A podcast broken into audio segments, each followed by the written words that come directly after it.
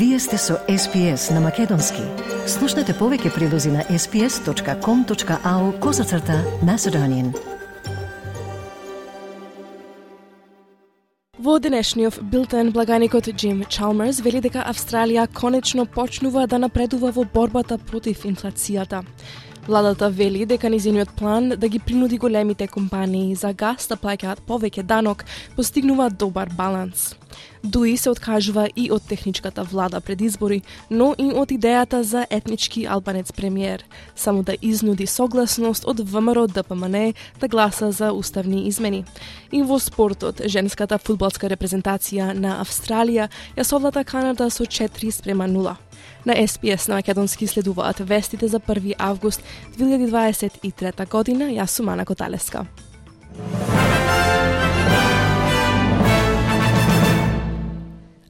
Австралиските мали бизниси се подготвуваат за 13-тото зголемување на каматните стапки, кое може да биде најавено денеска. Но облагајникот Джим Чалмерс вели дека Австралија конечно почнува да напредува во борбата против инфлацијата. Стапката на инфлацијата се намалува побрзо од што беше прогнозирано, односно за 6 од 100 годинава до јуни. Но инфлацијата се уште е повисока од целта на Резервната банка меѓу 2 и 3 проценти. Благајникот Джим Чалмерс изјави за Канал 7 дека поддршката за трошоците за живот која ја обезбедува владата ќе помогне да се намали финансискиот притисок предизвикан од зголемувањата на стапките. Тој вели дека владата презема одговорност кога станува збор за борбата против инфлацијата. Well, we understand that a lot of Australian families are under the pump, and part of the reason for that uh, is these uh, interest rate rises, which began before the election last year and continued afterwards.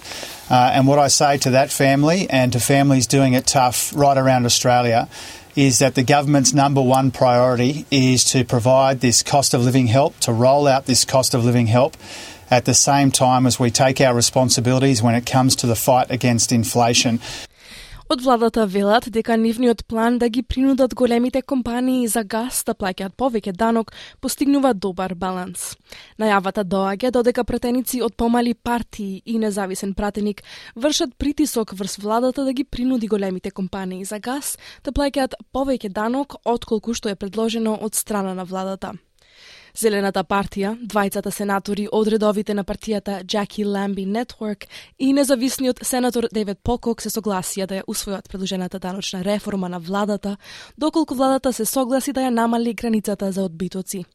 Намалувањето на границата значи дека најмалку 20% од приходот на компаниите за газ ќе биде предмет на данокот за нафтени ресурси. Благајникот Джим Чалмерс вели дека владата очекува да го усвои предлог законот во Сенатот со поддршка од коалицијата. We intend to legislate the changes to the PRRT that we announced in the budget. Uh, they came after a considered, uh, methodical, and long process which landed on uh, three options from the Treasury. Uh, we chose the Treasury recommendation that provided the most return uh, sooner uh, when it comes to offshore LNG. Uh, and that's the design, that's the policy that we intend to legislate. Лекарите обучени во странство наскоро ќе можат побрзо да работат во заедниците низ Австралија, кои се соочуваат со недостиг на општи лекари. Од највисокото тело за општи лекари во, во Австралија велат дека процесите за меѓународните лекари ќе се поедноставени за заедниците на кои итно им се потребни општи лекари. Процесите на оценување и акредитација ќе бидат полесни за апликантите. Ќе се намали минималното време за нивната обука и ќе се разгледа применливоста на обуката според новите мерки што треба да ги донесе Кралскиот австралиски коледж за општи лекари. Председателката на телото доктор Никол Хигенс вели дека таа се надева дека промените ќе обезбедат повеќе лекари за заедниците кои се соочуваат со недостиг. Министерката за животна средина Тања Плиберсек ја поздрави одлуката на Агенцијата за култура на Обединетите нации, големиот корален гребен да не се впише на листата светски наследства во опасност. Од УНЕСКО ја разгледуваа опцијата гребенот да се додаде на списокот на загрозени светски наследства, чија официјална одлука ќе биде донесена во септември. Но во нацрт од луката на УНЕСКО се вели дека цитат значителен напредок е постигнат од секашната и поранешната австралиска влада, но се предупредува дека гребенот цитат останува под сериозна закана и итна и долготрајна акција е од суштинско значење за да се подобри долгорочност долгорочната отпорност на гребенот. Госпогица Плиберсек изјави за ABC дека одлуката позитивно се одразува на посветеноста на актуалната влада да го заштити гребенот и да воведе сериозни мерки, вклучително и цел од нето нула емисии како дел од борбата против климатските промени. We've now got a government that is acting on climate change. Uh, the fact that we've got a legislated pathway to net zero uh, is very important here. Our 82% renewable energy target, our actions on methane and ozone and electrifying homes and businesses, uh, all of this I think is very significant, as is the extra investment that we're making to protect the reef, to improve water quality, to reduce the impact of fisheries, to work with traditional owners to manage the reef better. Вработените во малите бизнеси од денеска ќе имаат право на 10 дена платено отсуство за семено насилство. Промените што ги донесе владата на Албанезе им даваат на вработените во малите бизнеси исти права како и на вработените во поголеми компании. Министерот за вработување и односи на работното место Тони Берк вели дека насилството не дискриминира и законот треба да го одразува истото. Проектот за претворање на железничката линија во Сиднеј во метро без возач доби зелено светло по неколку месечни спекулации дека ќе биде укинат.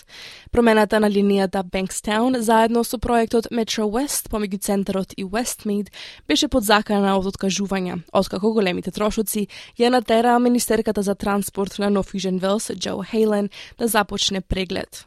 Премиерот на Нов Южен Велс, Крис Минс, потврди дека проектот ќе продолжи, истакнувајќи дека метрото за југозападниот дел на Сиднеј треба да се отвори помеѓу јули и октомври 2024 година.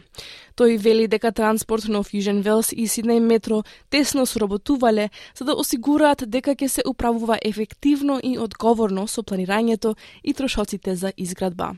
I can reveal today that the New South Wales government will progress with the conversion of the Bankstown line and provide a metro services to southwestern Sydney. It will be a big undertaking and require 12 months for the line to be shut down, causing inconvenience. Во Македонија, по завчерашните така наречени условени оставки на министрите и владините функционери на ДУИ, вчера стигна нова понуда од страна првиот вице-премиер Артан Груби, за да ја убеди ВМРО ДПМН да гласа за уставни измени. Груби вели дека Дои се откажува и од техничката влада пред избори, но и од идејата за премиер етнички албанец во последните 100 дена од мандатот.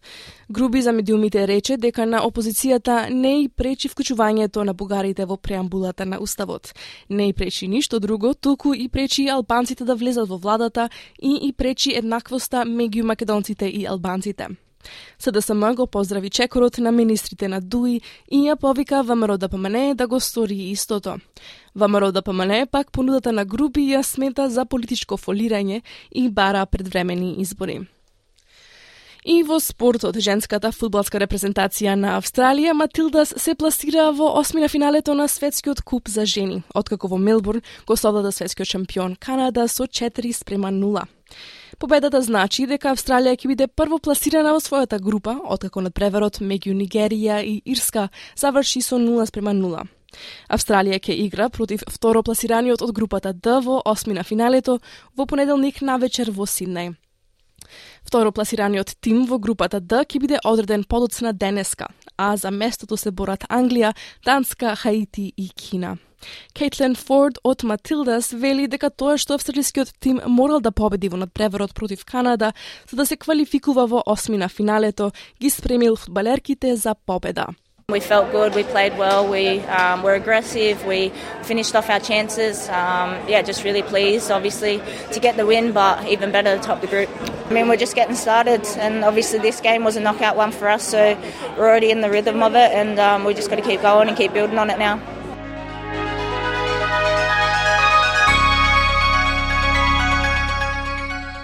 Од најновата курсна листа денеска еден австралијски долар се менува за 0,60 евро, 0,66 американски долари и 36,87 македонски денари. Додека еден американски долар се менува за 55,47 македонски денари, а едно евро за 61,09 македонски денари.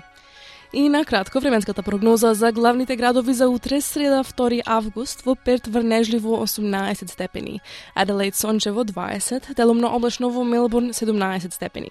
16 степени се очекуваат во Хобарт, делумно облачно, делумно облачно и за Канбера 17 и во Сиднеј делумно облачно 20 степени.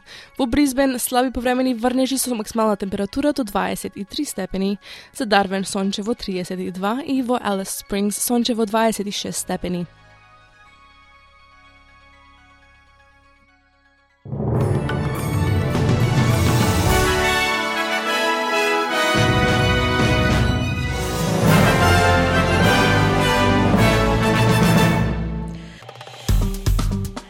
Стиснете, ми се допаѓа, споделете, коментирајте. Следете ја SPS на Македонски на Facebook.